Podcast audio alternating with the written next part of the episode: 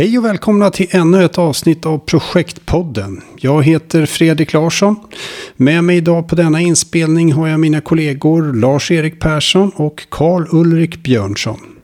Idag har vi en gäst, Marcus Gellner. Marcus kommer att resonera och diskutera kring ämnet projektledarhjärnan och hur den funkar privat och i arbetet. Jag eh, har en teori om att som projektledare så behöver man tänka fyrkantigt eller ja, snarare kanske femkantigt. En, tänk en femhörning. Det finns fem aspekter som är väldigt viktiga för att utföra någonting på ett effektivt sätt. Den första är resultatet. Det måste man ha klart för sig tidigt. Eh, det andra är när måste vi uppnått det här resultatet? Eh, tredje är vilket är det bästa sättet att ta sig dit ehm, för att förstå ehm, hur, hur vi gör det här. Eh, och det kan man ju göra på lite olika sätt. Jag brukar bryta ner resultatet i mindre komponenter eller beståndsdelar för att eh, snabbare kunna lista ut vad det är vi ska göra tillsammans i en projektgrupp eller själv beroende på vad är det för omfattning. Den fjärde aspekten är vad som behövs för att genomföra det här. Eh, kan jag det själv? Har jag rätt kunskap? Har jag rätt verktyg? Eh, vilken kompetens behövs? Vilka kollegor behövs? Eh, och den, den, femte aspekten är vilka hinder har jag för att uppnå det här resultatet?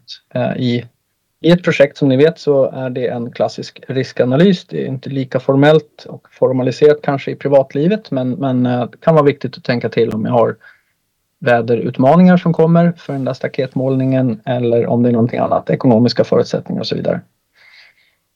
Ehm, så de här fem aspekterna. Vad ska resultatet vara? När måste vi ha nått dit? Ehm, hur når vi dit? Ehm, vad behövs för att nå dit? Och vad är det som hindrar mig? Är aspekter som jag tror att en projektledare alltid behöver fundera på i, i samband med att ett projekt eller att någonting ska utföras.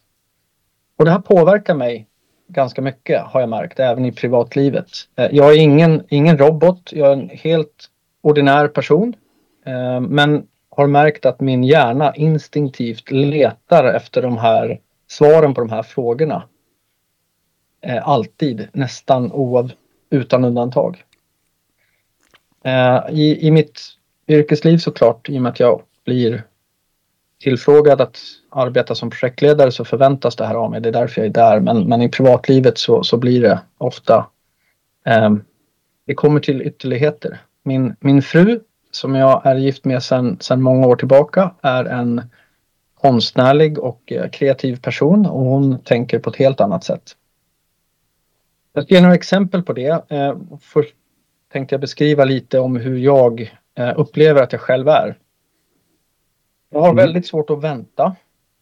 Ehm, jag eh, hela tiden en, en, en ständig, eh, ett ständigt behov av att, att uh, göra klart saker. Jag kan inte skjuta upp saker som, som jag vet behöver göras. Då vill jag gärna bocka av dem direkt så att jag kan ta nästa grej.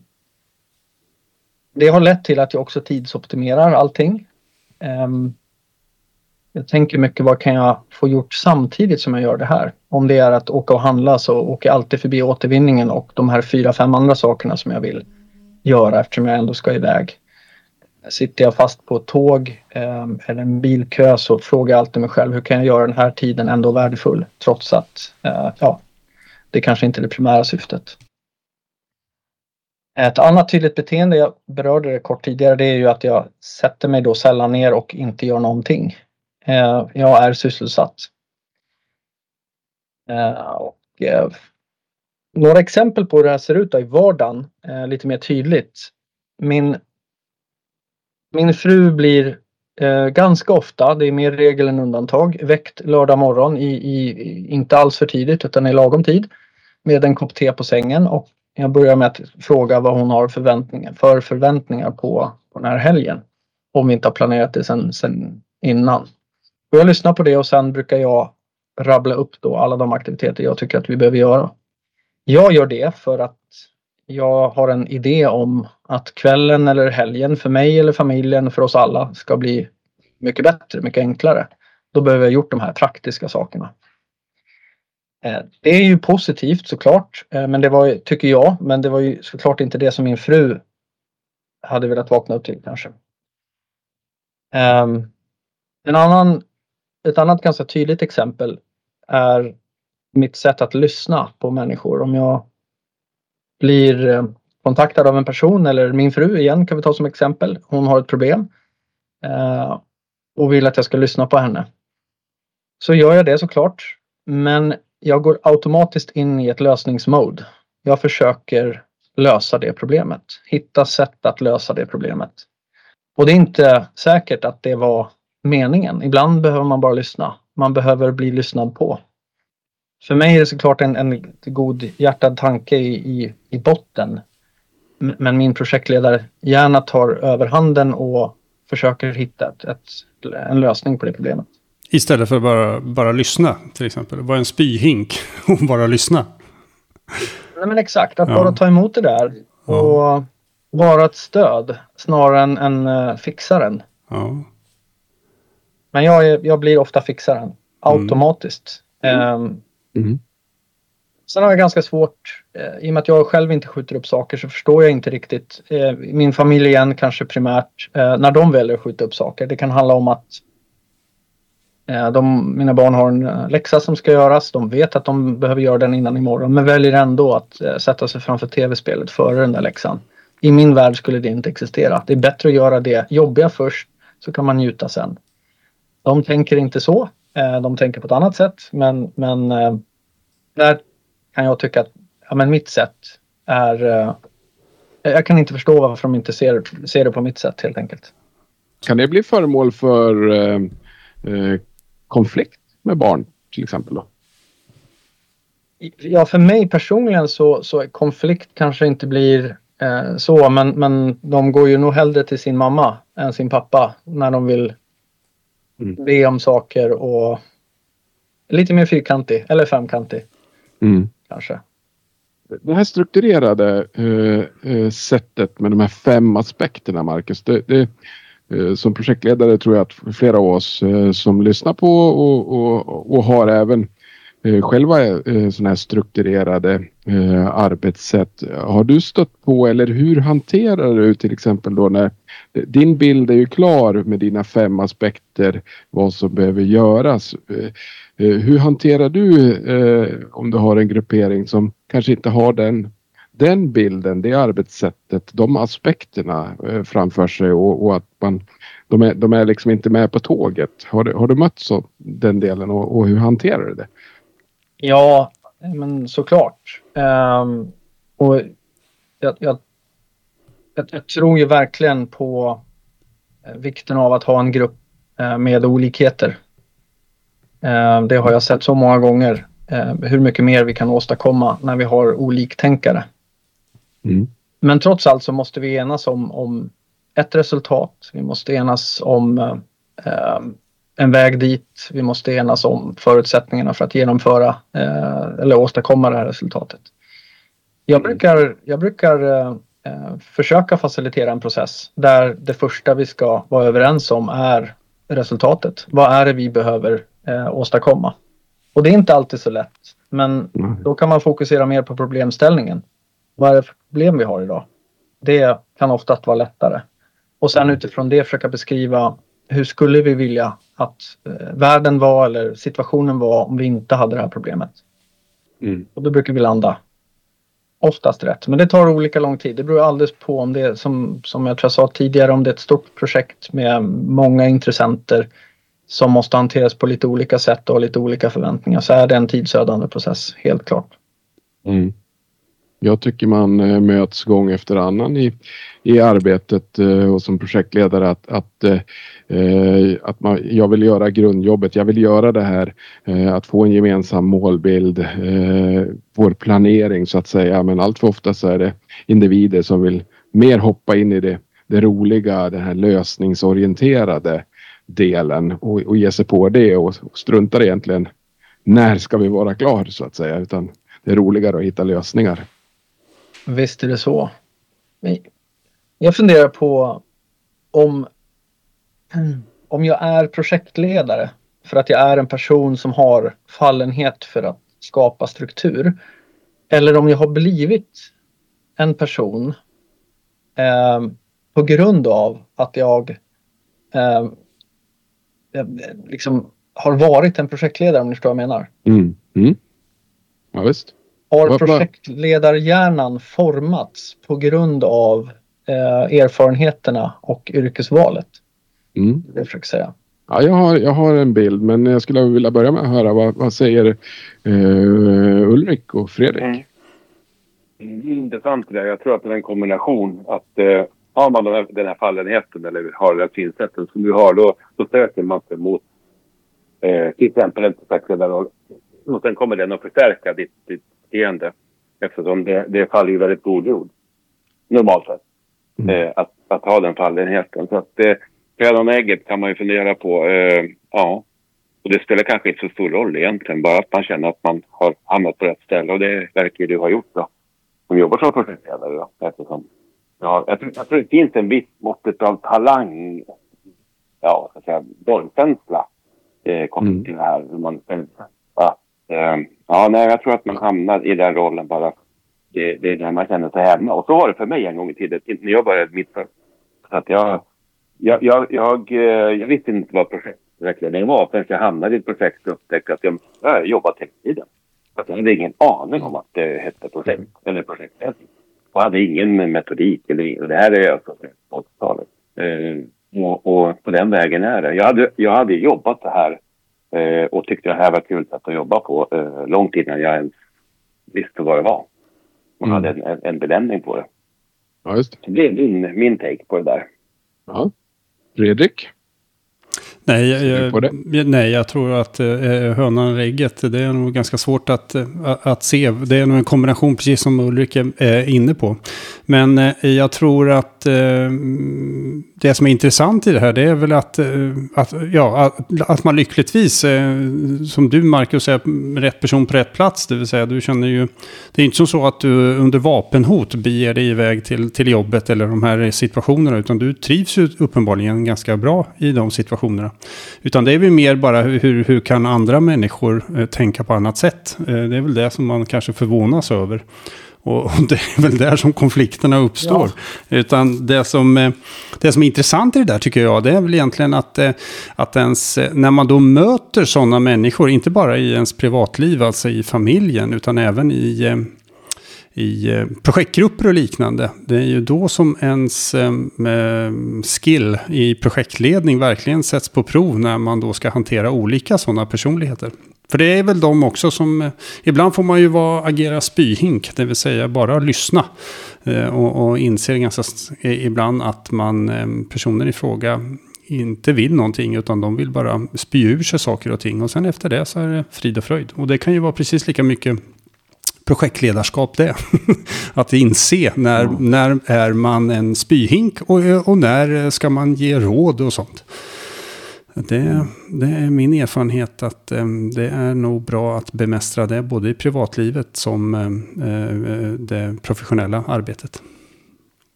Det tror jag också. Marcus här igen. Jag tror att det är precis så.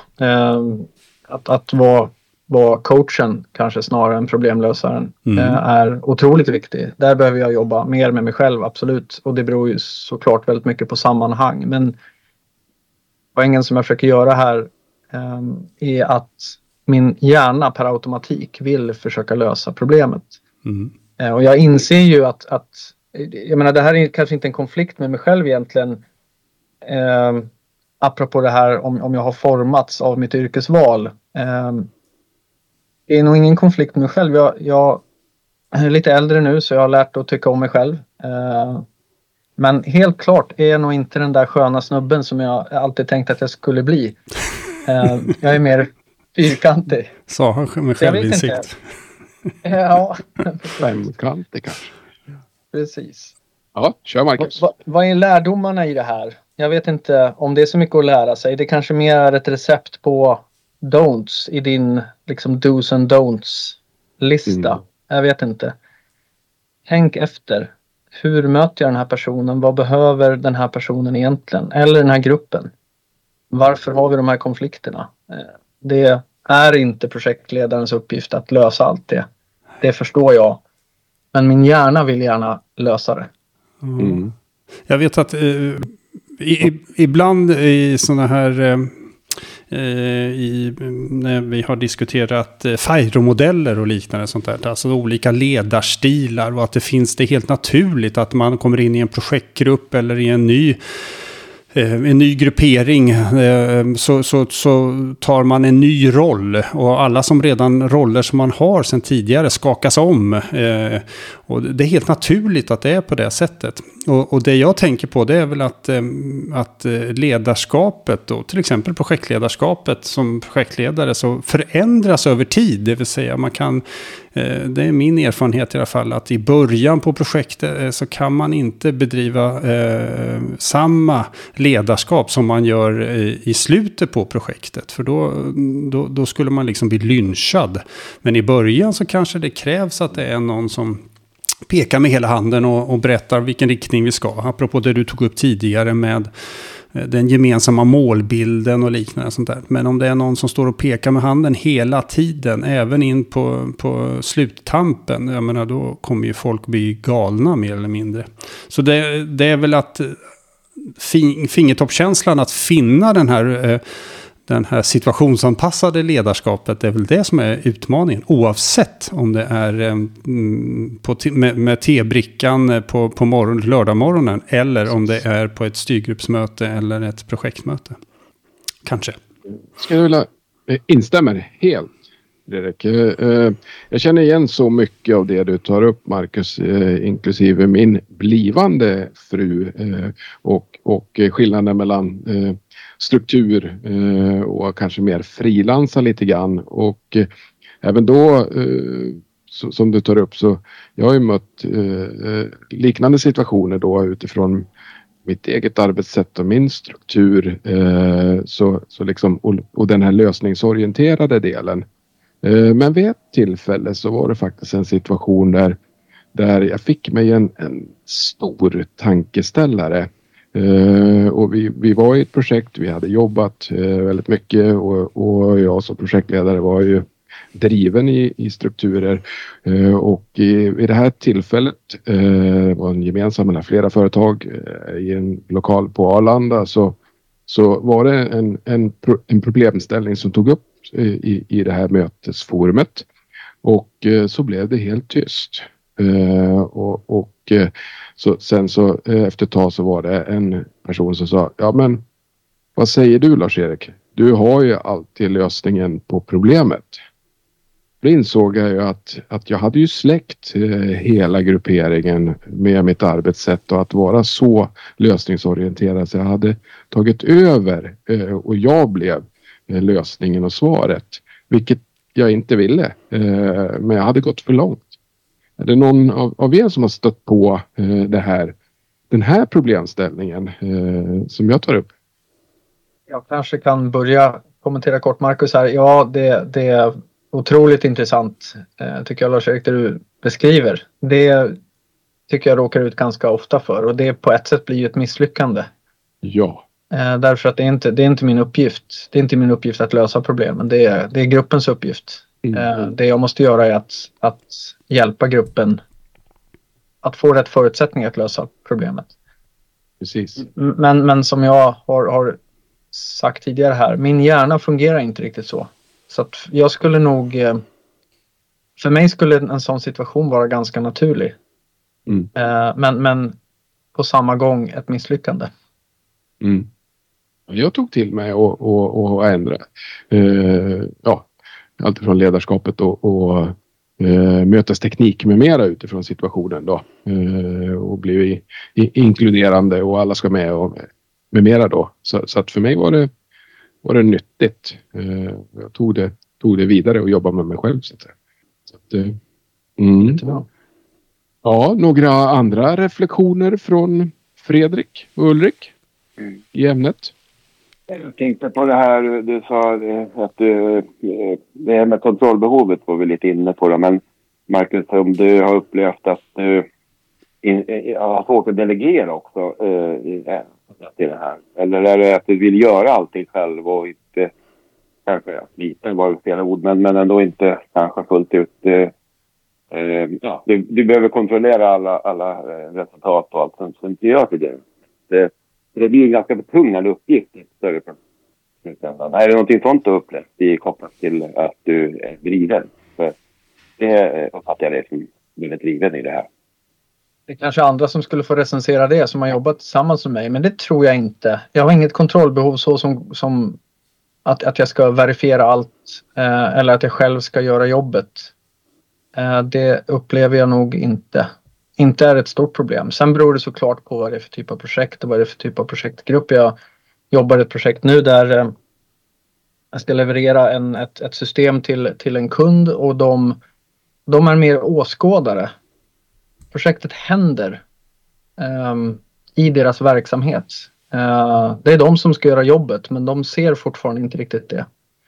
Uh, min lösning på det är ju absolut inte att göra jobbet själv. Tvärtom. Då, då blir jag kanske ännu mer fyrkantig eller femkantig och backar tillbaka till att det är det här resultatet vi måste uppnå. Uh, det här är förutsättningarna vi har. för att det här ska bli någonting som är hållbart på sikt så måste ni göra det här arbetet. Jag kan inte göra det eller de kollegor jag har med mig från, från leverantörssidan. Men, men absolut. Ja, jag får fråga det för att jag ser det här hända gång efter annan. Kanske inte eh, jämt hela tiden och i majoritet, men det händer eh, titt som tätt att jag ser projekt själv med mig eller som har in, eh, i närhet. Det här händer. Den här delegeringen inte riktigt funkar och, och, då, och då blir det att grupp många gånger också du, ger upp och lutar sig bara mot det där. Mm. Ja, tar inte några initiativ eller liksom, ja men det spelar ingen roll. Det, det, det, är väl, det är väl liksom därför jag hade den reaktionen då. Jätteintressant. Jag, jag tänker ju inför ett projekt, det är ju sällan man kanske får sätta ihop teamet själv. Det blir ju en, en, ett resultat av vad är det för ämne och vilka har ledig tid och så vidare eh, ofta. Och jag tänker att jag borde lägga mer kraft på att förstå individerna och den här gruppen. Hur kan vi göra att den fungerar så bra som möjligt? Det är sånt man kan lä läsa om som viktiga övningar att göra tidigt i ett projekt men, men min erfarenhet är att det, det, det är ganska svårt att ha sig tiden för det. Mm. Men det är kanske bland det viktigaste man faktiskt kan göra. Hur mm. får vi den här gruppen att bli så effektiv som möjligt? Och som du var inne på tidigare Fredrik, det, det, det kräver ett ledarskap som ser olika ut. Det tror jag också. Eh, beroende på vilken fas man är i. Men att, att sitta där och, och vara ansvarig, huvudansvarig för projektresultatet och inse att det händer ingenting om inte jag gör jobbet själv. Då, då måste man backa tillbaka rätt rejält tror jag. Mm. Det stämmer. Eh, och fundera på sitt ledarskap. Mm mycket spännande eh, diskussion eh, och få höra dig Marcus eh, ur aspekten projektledarhjärnan som vi nu har tagit oss igenom här på projektpodden. Eh, har vi tömt ut? Har vi något mer att tillägga? Någon som vill ta upp något ytterligare? Nix, jag tycker det har varit en jättebra, jättebra diskussioner. Jag tycker att det, det, det, det, det vi landar någonstans, eller det jag landar alltså, det är det här man brukar prata om vilka egenskaper ska man ha som, som projektledare och självinsikt. Jädra bra egenskap. Det är som du sa du, du insåg att ja, men det här kommer inte funka. Det är inte alla som gör det. Nej.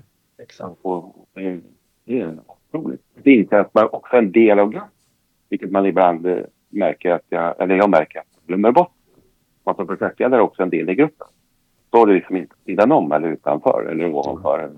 Man, man är faktiskt en del av den här dynamiken grupperingen. Del av dynamiken. Mm. Tillsammans får vi saker att hända. Ja, ja okej. Okay. Eh, jag vill rikta ett stort, stort tack till Marcus eh, som gästade oss här på Projektpodden. Tack Marcus! Och tack för att jag fick komma. Och eh, vi tackar alla som lyssnar på oss och eh, vi kommer att komma tillbaka med Projektpodden med nya avsnitt. Så vi säger alla på återseende och tack ska ni ha. Hej då! Hej då! Hej! Hej då! Vi tackar Projektpoddens sponsor Peak Consult. Ni kan läsa mer om Peak Consult och deras projektkurser på peakconsult.se.